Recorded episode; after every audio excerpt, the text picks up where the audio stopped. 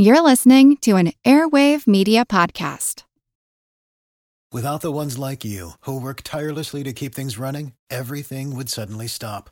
Hospitals, factories, schools, and power plants, they all depend on you. No matter the weather, emergency, or time of day, you're the ones who get it done. At Grainger, we're here for you with professional grade industrial supplies. Count on real time product availability and fast delivery. Call clickgrainger.com or just stop by. Grainger for the ones who get it done. As a longtime foreign correspondent, I've worked in lots of places, but nowhere as important to the world as China. I'm Jane Perlez, former Beijing bureau chief for the New York Times. Join me on my new podcast, Face Off US versus China, where I'll take you behind the scenes in the tumultuous US China relationship. Find Face Off wherever you get your podcasts. This is Kick Ass News. I'm Ben Mathis.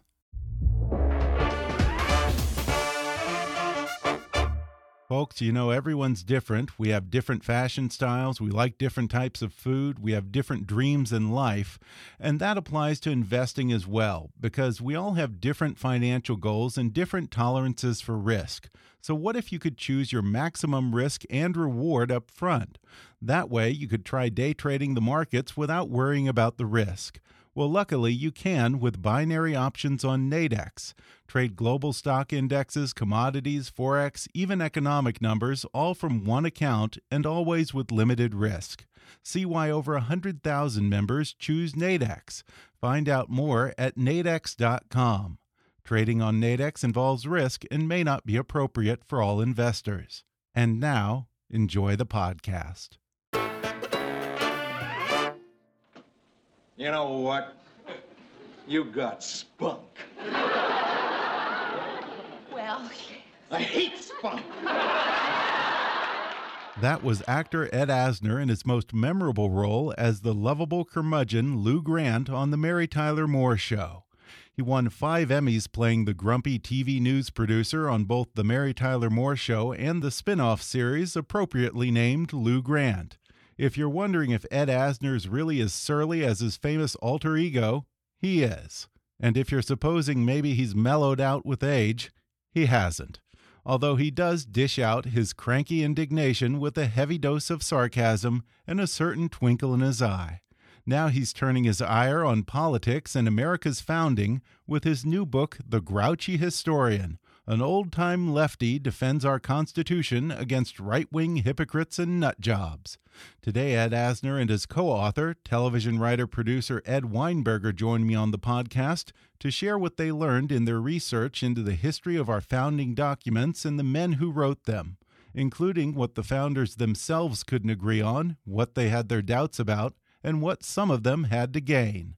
Weinberger and Asner discuss what they call the outsized importance of the Bill of Rights compared to the Founding Fathers' original intentions for that document, and how our government has had a pretty spotty record when it comes to actually defending those rights. They explain their problem with conservative politicians like Ted Cruz and originalists like the late Antonin Scalia, who they say act as if they wrote the Constitution themselves, but not before Ed and Ed lay a good part of the blame on Democrats who they say hardly ever mention the Constitution.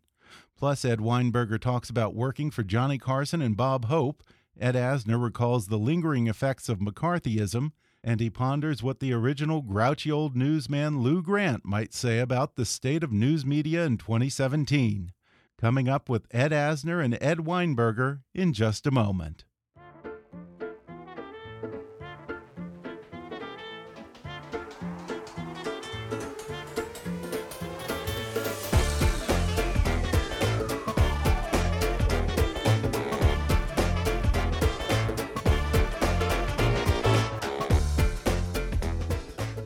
Today I'm sitting down with the two Eds, actor Ed Asner and writer producer Ed Weinberger. They've got 16 Emmy Awards between the two of them, and now they've written a new book called The Grouchy Historian.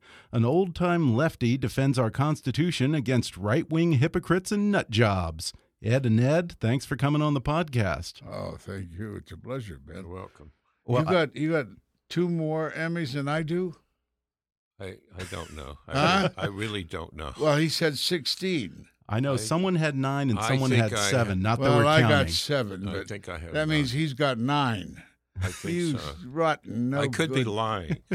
no wonder you're grouchy. Jesus Christ. Work your ass off all your life. I'm older than he is. I deserve more. Yeah, reparations, Mm-hmm. awards reparations. Now, the Germans involved? now, do you really think that you're that grouchy?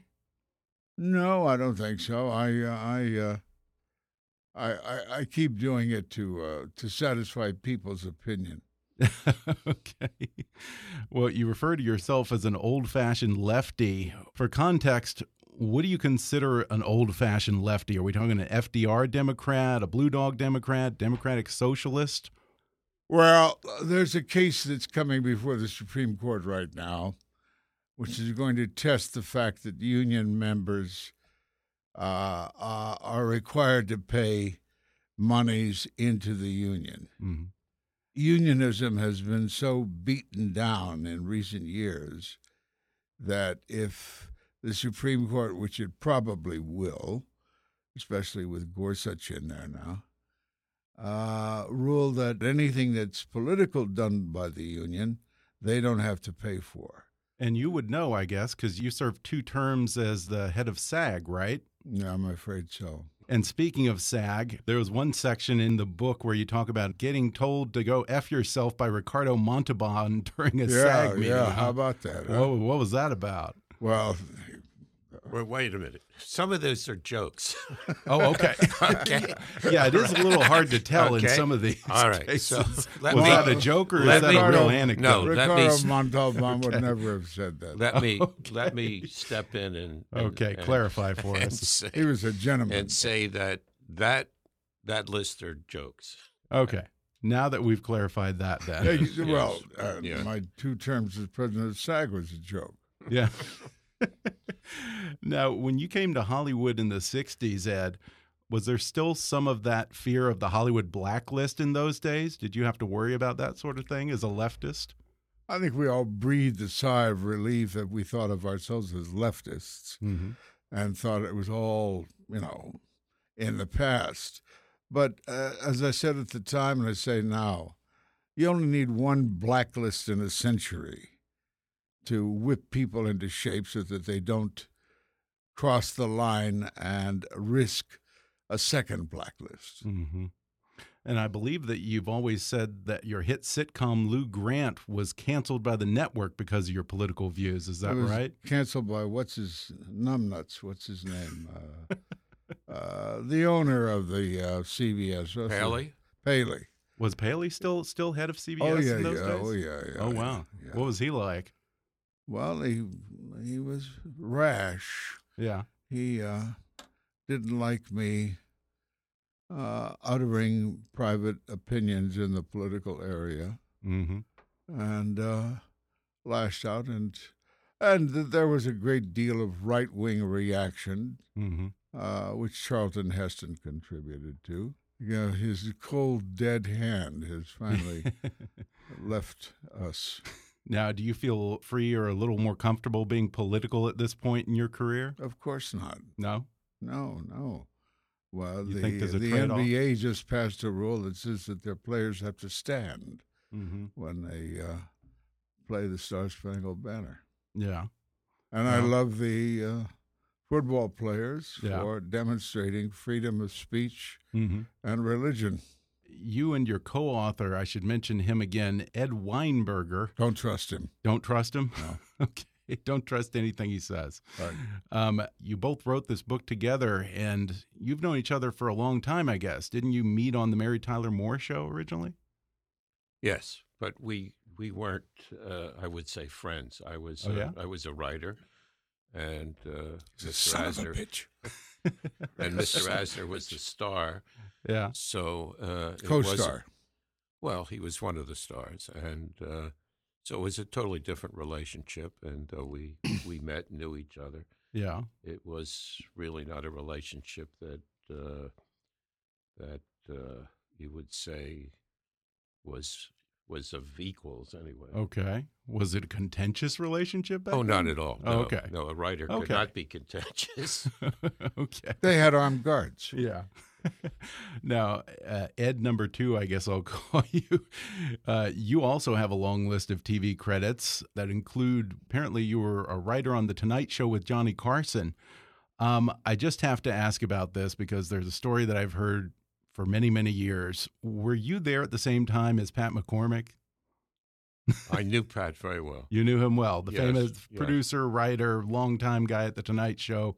Kind of a character, would you say?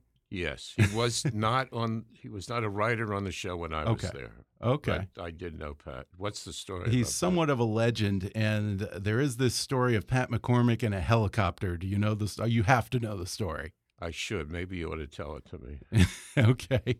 Well, I've heard from multiple sources that I guess the writers on the Tonight Show would have once a week these dinners, these big dinners, and one writer would pay each time. And it would be this big production. They'd all try to top each other and go to a fancier restaurant. And one night it's Pat McCormick's turn. And he tells everyone to show up at, I think, the Van Nuys Airport or something. And he has an assistant who hands everyone a, a paper sack with like a Coca Cola and a tuna sandwich. And then there's a helicopter. And each of them take turns getting in the helicopter with their tuna sandwich and their Coke and a hooker who then flies with them in this helicopter over their homes and uh, pleasures them over over their houses while their wives are home. Well, one, I Can never. you verify this story? No, one, I never heard the story. Two, Really? I had left Johnny Carson, thank God, before he came out to California. So Okay. I, I only worked for him when he was in New York.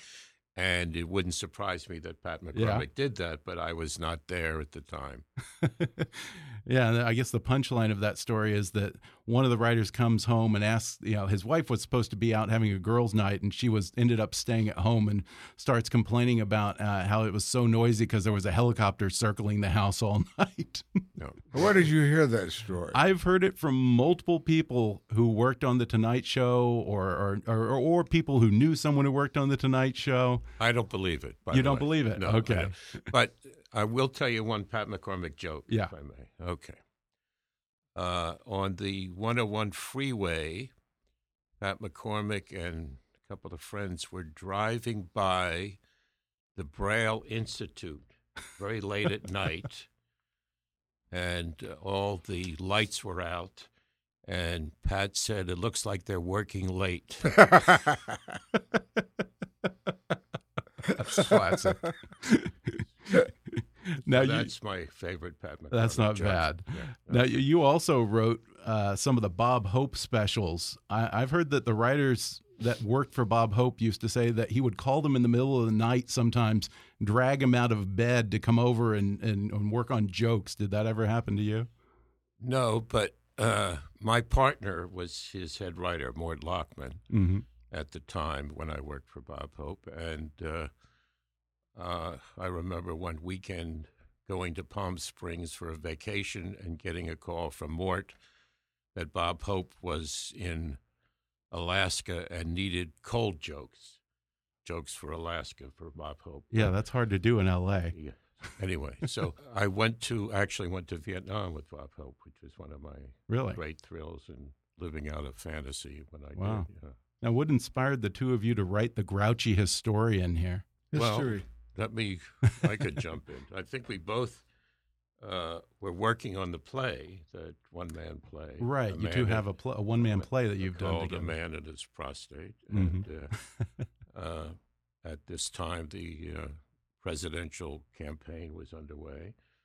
And we both couldn't help but notice how uh, Republicans kept referring to the Constitution as something as if they, as we say in the book, not only uh, as if they owned it, but as if they had written it. hmm And we decided to just take them up on it and see exactly how much truth there was in their claims. like you said, you accuse Republicans of having claimed exclusive ownership of the Constitution.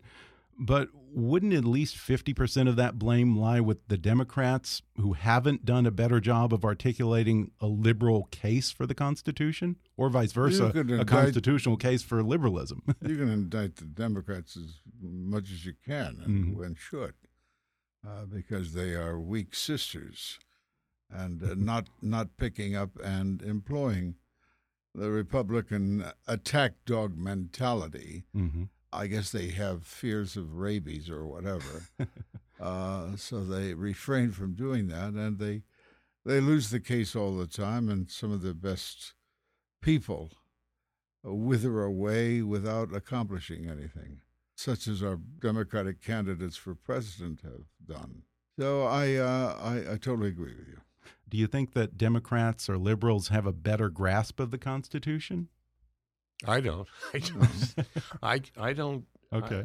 I, uh, I don't hear liberals talking about the Constitution mm-hmm. much for some reason, and they certainly don't talk about it in the way they should. They seem to have given over the Constitution to the to the Republican right mm-hmm. wing and the conservative Christian, and have abdicated a position about it. Uh, for whatever you may you may think of uh, Hillary, uh, the mindset that the Republicans create in this country, so that Trump could pull that close and take the presidency, uh, is the kind of mindset that they create for all.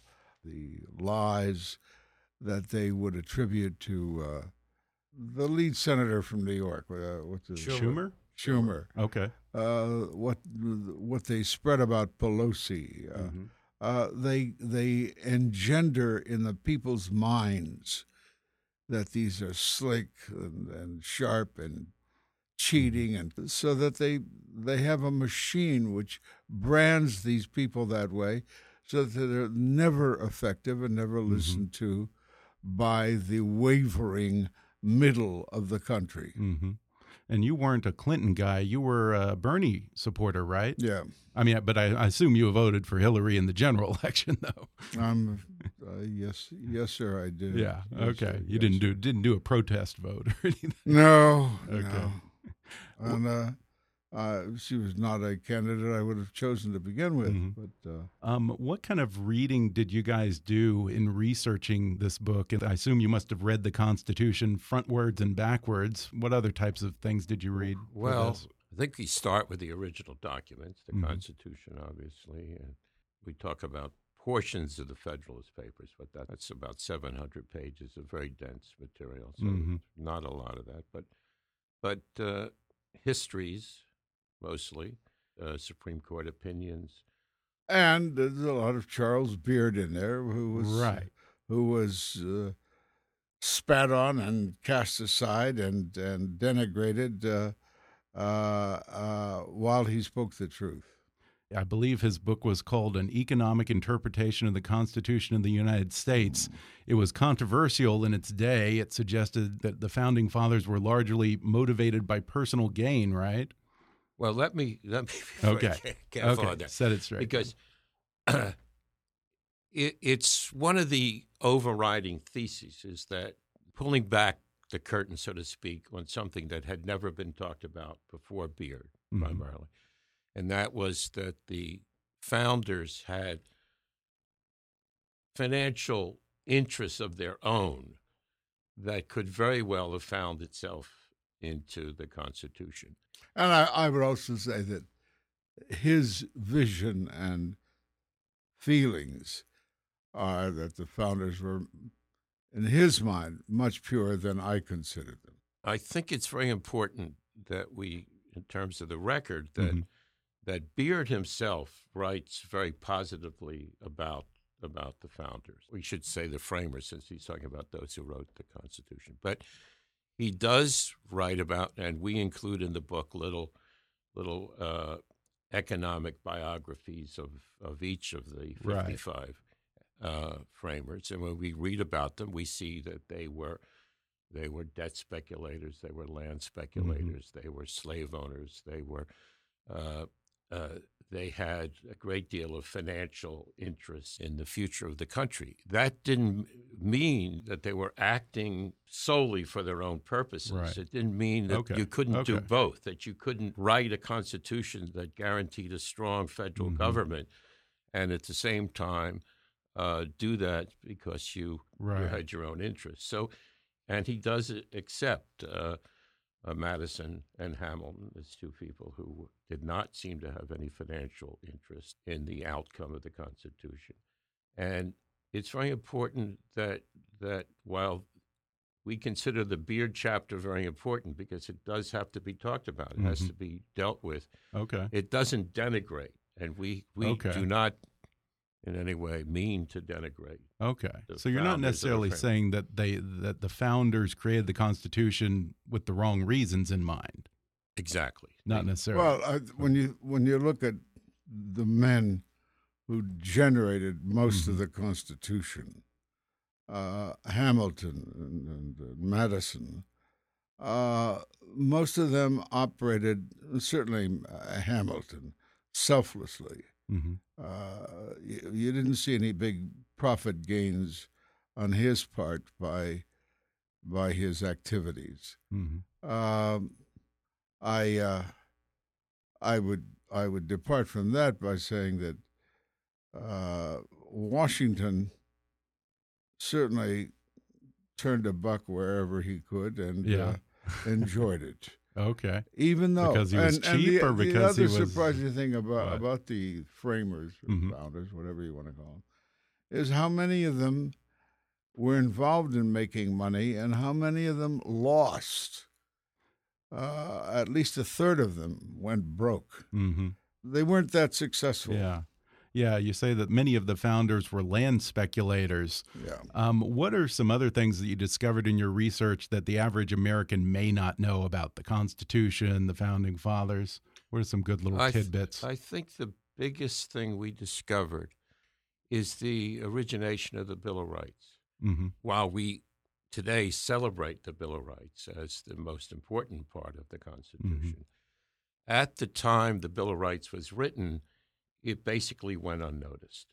So March 1st, 1792 is not a day we celebrate. it went unnoticed at the time. It, uh, it's the passage of the Bill of Rights in the Congress at the time was buried in a long list of other laws that had passed, like post offices and lighthouses. hmm They themselves didn't think much of the Bill of Rights when it passed. Huh. And it came out of a very cynical political maneuver by Madison to cut off a second convention, which was called for by the Anti Federalists. So Mhm. it was writing a Bill of Rights, but it was Washington's, Madison's, and Hamilton's Bill of Rights to protect their Constitution hmm and the right to tax and everything else that they considered important. And these were rights that were granted easily. And the Bill of Rights didn't become important in this country until the si- 1960s, Mhm. strangely enough. So- And the Bill of Rights is constantly abridged and ignored and spat on in terms of execution. The, the blacklists that occurred. Mm-hmm. Right. Right. The internment uh, camps the of the Japanese. of the Japanese. Yeah. It's also as uh, questioning as the wars we get into hmm and the reasons thereof. The bit of information I was given and uh, and am uh, very jealous of is that in our close to 250 years of existence, I think that there have been 21 years in which we weren't at war Mhm. with somebody. We're going to take a quick break, and then I'll be back with more with the two grouchy historians, Ed Asner and Ed Weinberger, when we come back in just a moment. You know, I've heard people saying for months now that the next big thing in tech is going to be smart speakers. That's the future, they all say. And I'll admit that I was not an early adopter. I was happy just listening to tunes off of my iPhone or on some dinky little speaker I got in the mall. But man, oh man, oh man, was I wrong. I tried out the Sonos Play 5 speaker at home, and that little guy blew my mind. I forgot what it was like to have sound that really truly fills the room. My living room is like Carnegie Hall now. Now, I'm kind of old school, so I love the great American classics like Dino, Frank Sinatra, Louis Armstrong, Ella, and let me tell you, that gang never sounded so good. Sonos intuitively synced up all my music apps, plus, they've even introduced me to new music services I didn't even know about. Look, I'm not a techie. I'm terrible about reading instructions and figuring out what wire goes where, which is why having a smart speaker that truly lives up to that description is such a big deal to me. The Sonos speaker actually reads the room and fine tunes its acoustics accordingly. Plus, it uses Wi Fi, not Bluetooth, so you don't suddenly lose your music every time you leave the room. In fact, I was so impressed with my Sonos Play 5 that I got a Sonos Play 1 for my office so I can enjoy great tunes and great sound while I work. These guys at Sonos have really got it down to a science. They let you have pulse pounding sound in any room or every room at once. Play a different song in the living room, bedroom, even the bathroom, or the same track in every room. You can add your existing music services or discover something new, whether curated or on demand, free or subscription based. Sonos has you covered with access to a growing list of music services. And Sonos' simple app lets you control everything from songs to volume to rooms all in one place. Sonos brings all your music together. To find out more, visit Sonos.com. That's Sonos, S O N O S.com. And now, back to the podcast. You spend a lot of pages talking about the flaws of the Constitution and the fact, like you said, that the Bill of Rights was really kind of an afterthought for the Founding Fathers. You spend a good amount of time talking about the financial situations of the Founding Fathers and their personal flaws. So, I guess what I'm wondering is is your central argument in this book that the Constitution is fine as it's written, but it's been bastardized over the years, you would say by Republicans? Or are you suggesting maybe something more subversive, which is that the Constitution isn't this perfect document or our reverence for it is maybe misplaced? We fail to recognize the Constitution as a living organism to be fed and petted and stroked and interpreted in a modern sense yeah. rather than by some schmuckish interpretation of realizing what the framers really meant. It's it's a very complicated issue, Mhm. and and one of the things that we talk about in the book is that Hamilton and Madison were basically roomies in Philadelphia for a short period of time during the writing of the Constitution. Two years after it was written, Madison is in Congress, and uh, Hamilton is Secretary of Treasury, Treasury, and he wants to start a, a federal bank. hmm And Madison says it's unconstitutional. So our point is if the people who wrote it can't agree on Yeah. what is constitutional, how can we 250 years later be so sure of what they meant or what they Mhm. said? Point number two uh, the men who wrote the Constitution didn't think it was perfect hmm didn't think it was set in stone, and Really? almost everything in our book is is backed up by their own their own writings. Every chapter in which there is any controversy at all has quotations from the men themselves. hmm And as they left the Constitution, or as they were writing it, they they weren't convinced that this was the be all and end all of all time, that it was going to have to be adjusted, that the future generations were going to have to deal with other problems, and they were smart enough to know that. Th- these men were political geniuses, but they weren't soothsayers. They weren't able to predict Right. what worlds we were they were this country was going to get into. The Constitution is an imperfect document, and it needs to be updated or changed or corrected, given the circumstances of today and our issues of today. They, we believe, would have agreed. So we're not saying anything subversive about the Constitution. Oh, Constitution. let's. okay, so you are not an originalist then. No. You hate that term, I, I think you hate- said. Yeah. What is the issue with originalism?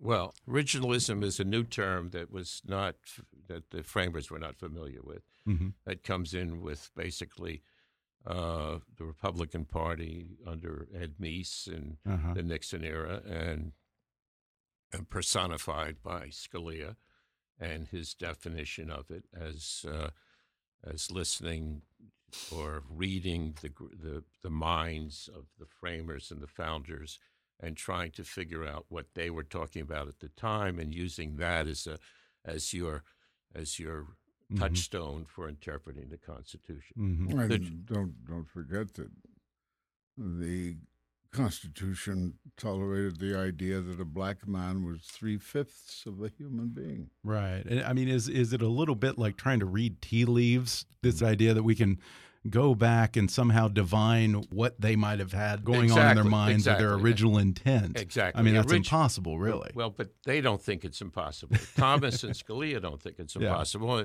And Thomas goes to 18th century dictionaries to get the definition of the word to bear arms and, and then define it uh, in 18th century terms, which is impossible. And, and, uh, and it's also, to me, a ploy because they're not, cons- Scalia was never consistent about originalism. Mhm. He used it when it suited his purpose, really.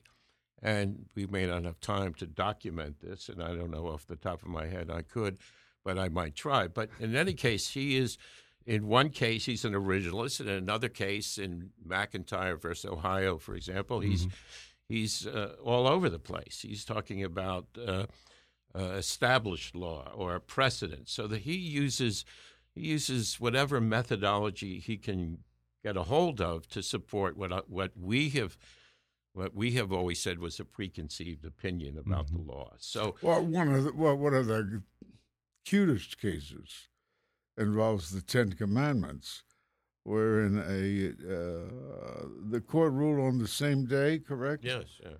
Uh, That in Texas, yes, they were okay and legit in in having the Ten Commandments. Uh, how how on were public property, yeah. on public property, Mhm.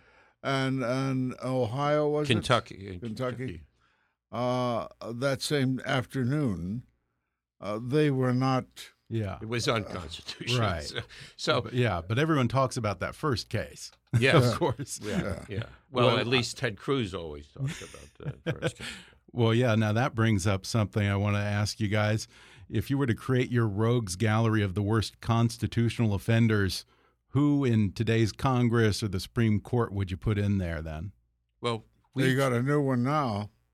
Which one's that? Moore Okay, okay. if Roy- he well, if he wins, if he wins yeah. in November. Yeah. Well, well, Roy Moore is a good example as far as I can figure out his interpretation of the Constitution is that uh, it really isn't as important as the Bible, Mhm. and that we Hmm. really need to be governed by a higher law, which is a God's law, as if he knew what God was thinking, and seems to uh, seems to uh, believe that he does and and so we have what is natural law, which is superior to the Constitution, which is something that Clarence Thomas believes. It's it's not so far fetched an idea.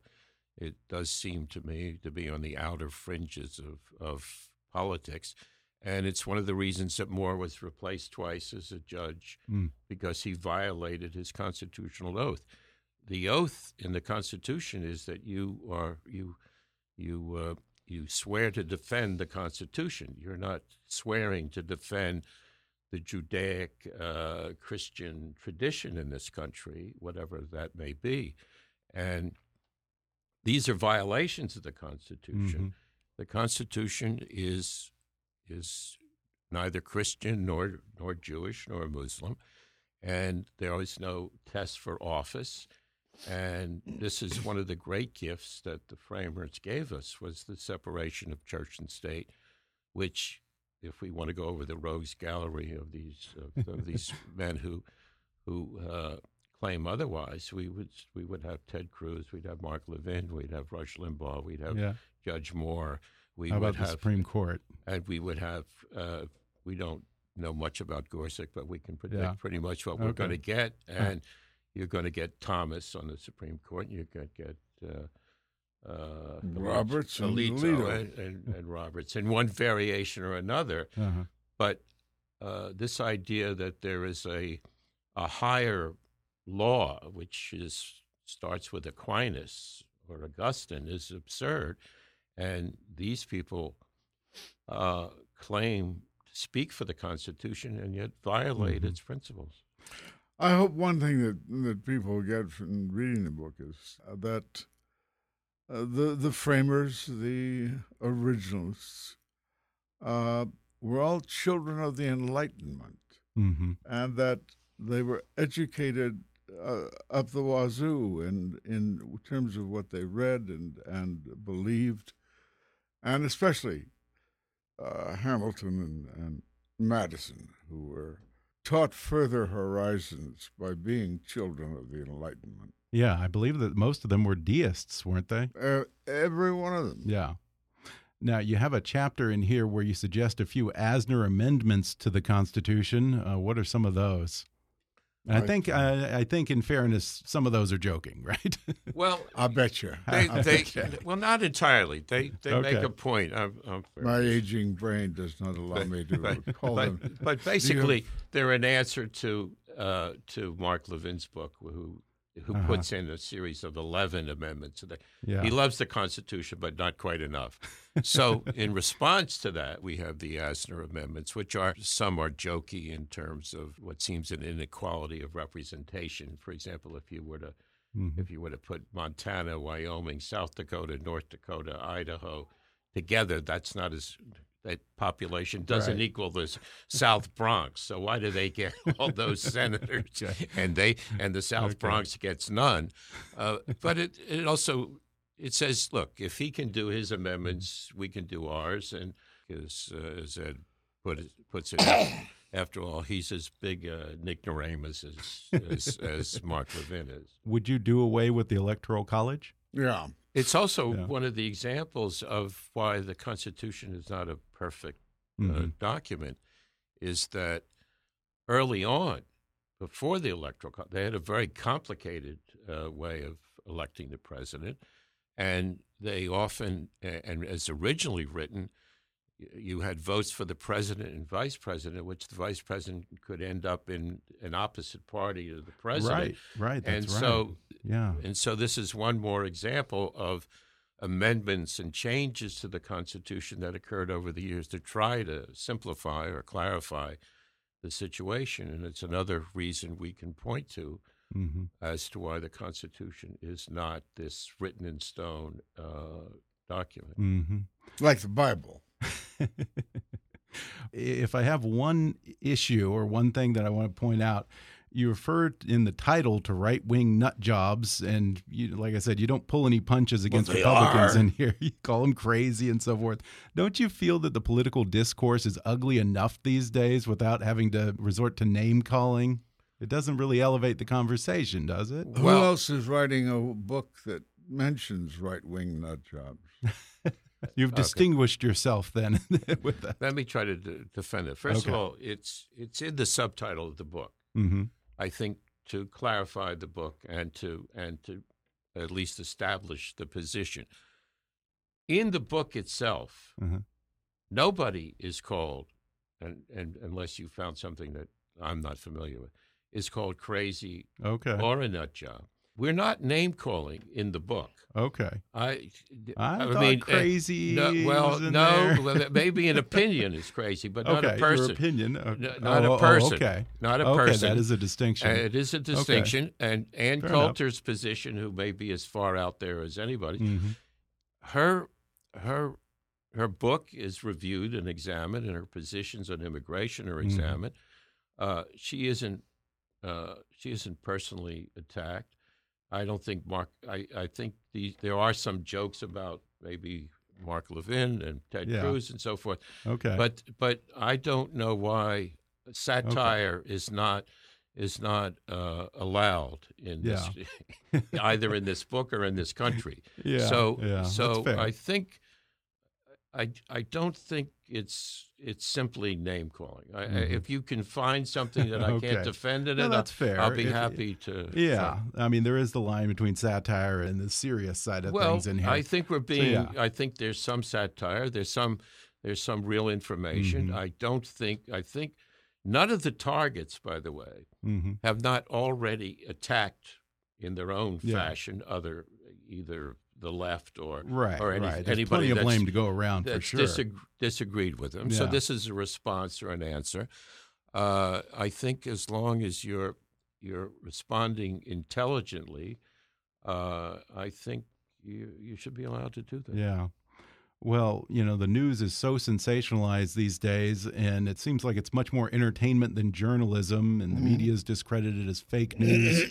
uh, I have to ask the other Ed here then, what do you think old Lou Grant would have to say about the state of the press these days? Piss on him. That sounds about right. Well, ask the man who would write it. yeah. No, he never wrote Never. Lou. He he wrote for Mary. okay. Well, maybe maybe he not the right source. No, Lou Lou would uh, would um, he was a good centrist. hmm He, he was an excellent centrist, and he he did not want to deviate. Although most of the times that he was asked to deviate, it was by right wing elements, hmm and he stuck to the center. If, if I could add something Yeah. a little off of that, I, I don't think the the book doesn't well it doesn't go after liberals. It could very well it very well might have. Uh, that would have confused, I think, probably confused the thesis of the book. But the book was written because we felt liberal, and I don't know that I I don't identify myself as a liberal, and I don't know about it. I mean, in a way, but Do you identify yourself as a grouch? uh, pissed off. I think Okay. would, Oh. be a better, would be a better Bigger term. than me. would Yeah. be a better Mhm. term for it. But uh, the I think we both we haven't talked about this, but I think we both would agree. I think it's actually something Ed said earlier that that the uh, the the liberals have abdicated their position on the Constitution. hmm They neither Right. defend it nor nor uh, attack as they should the people who who misrepresent it, and that's why we thought the need of the book. It's not simply going after the right; it is by implication saying. Why isn't the left? Why? Mhm. Why is whether it's the left media or the left or the intellectual or the liberal? Why aren't they a little bit more uh, angry about the way they've been they've been raked over the coals here and not defended not themselves but the founders and the framers. Uh, we- Why- We, didn't really discuss this, but I, I think that it's because this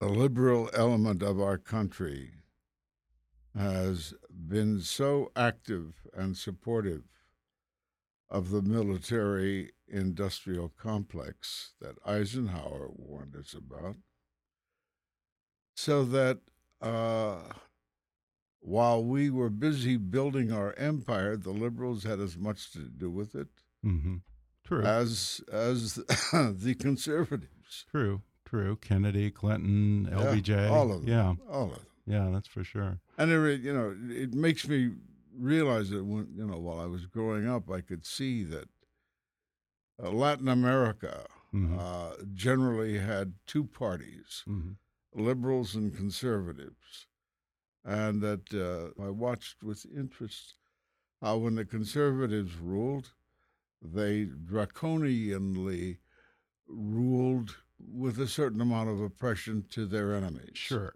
Sure. Then the liberals supposedly took over, and the reverse took place, and the same oppression of a different kind took place. Mhm. And I began to wonder is, is that what we're doomed to go through in this country hmm in terms of liberal and, and Mhm. conservatives? Well, I have to ask since you mentioned the military industrial complex, you're probably the most famous 9 11 truther. Do you still think that 9 11 might have been an inside job?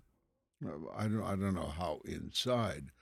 I think that there was certain government people who were involved, and it certainly was not a big whoopee surprise. Mm -hmm. Well, another conspiracy I want to ask about, another great mystery. Uh, Ed W. here. You, for some reason, put a period after your first name. It's ED period. That must drive people crazy thinking that it's an abbreviation or a title or something. What's the story behind the ED period? Not a great story. You no, sure you, okay. You, not a good one to finish with. Okay. Well, it's not. It's not one I would finish with. But if you raise it, I, I we're we're I, we're already dug in now. I suppose I have All to right. answer no it. It's really back. a. It's really a. It's become, a, unfortunately, an affectation that I can't rid myself of. But it started in the sixth grade. Oh, really? Uh, yeah. My name is uh, Edwin. Okay. And, okay. And in South Philadelphia, there weren't too many Edwins, so I, I, became on my on my homework or anything I wrote, I became Ed.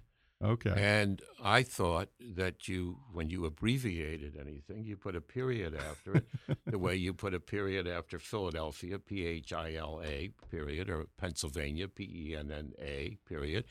I thought you had to do that with your name. Now, that has stayed with me for God knows how many years.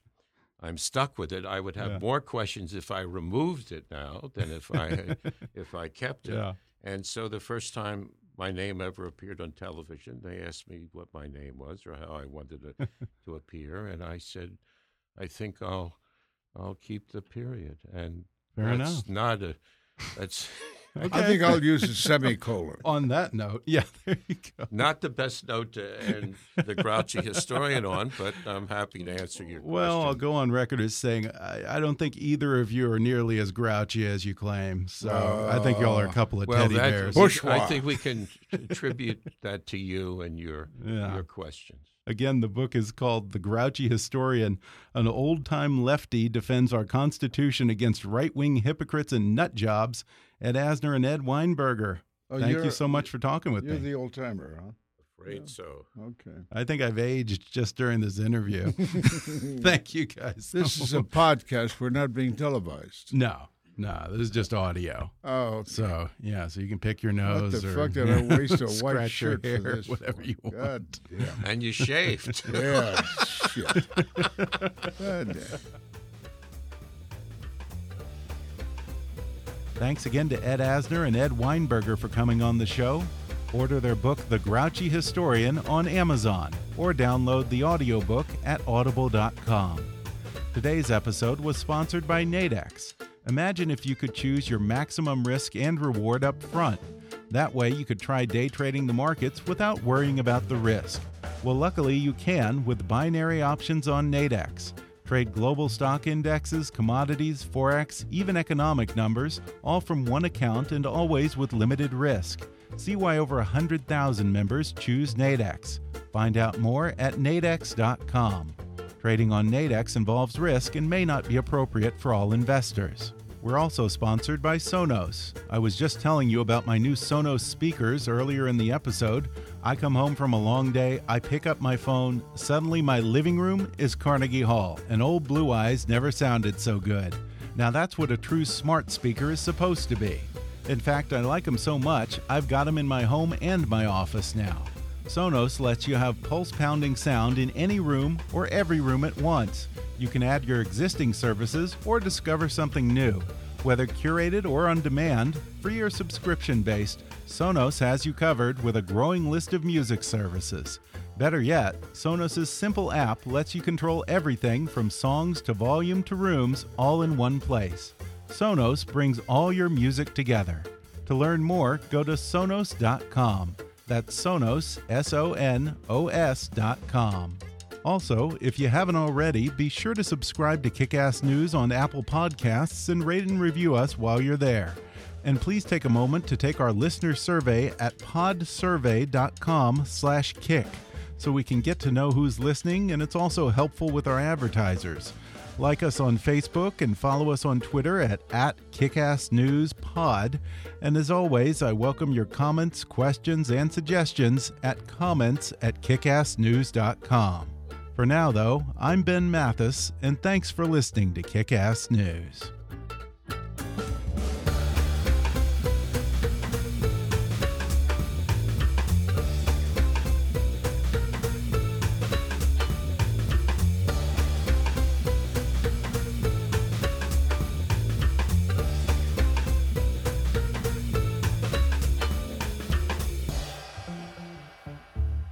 Kick Ass News is a trademark of Mathis Entertainment, Inc.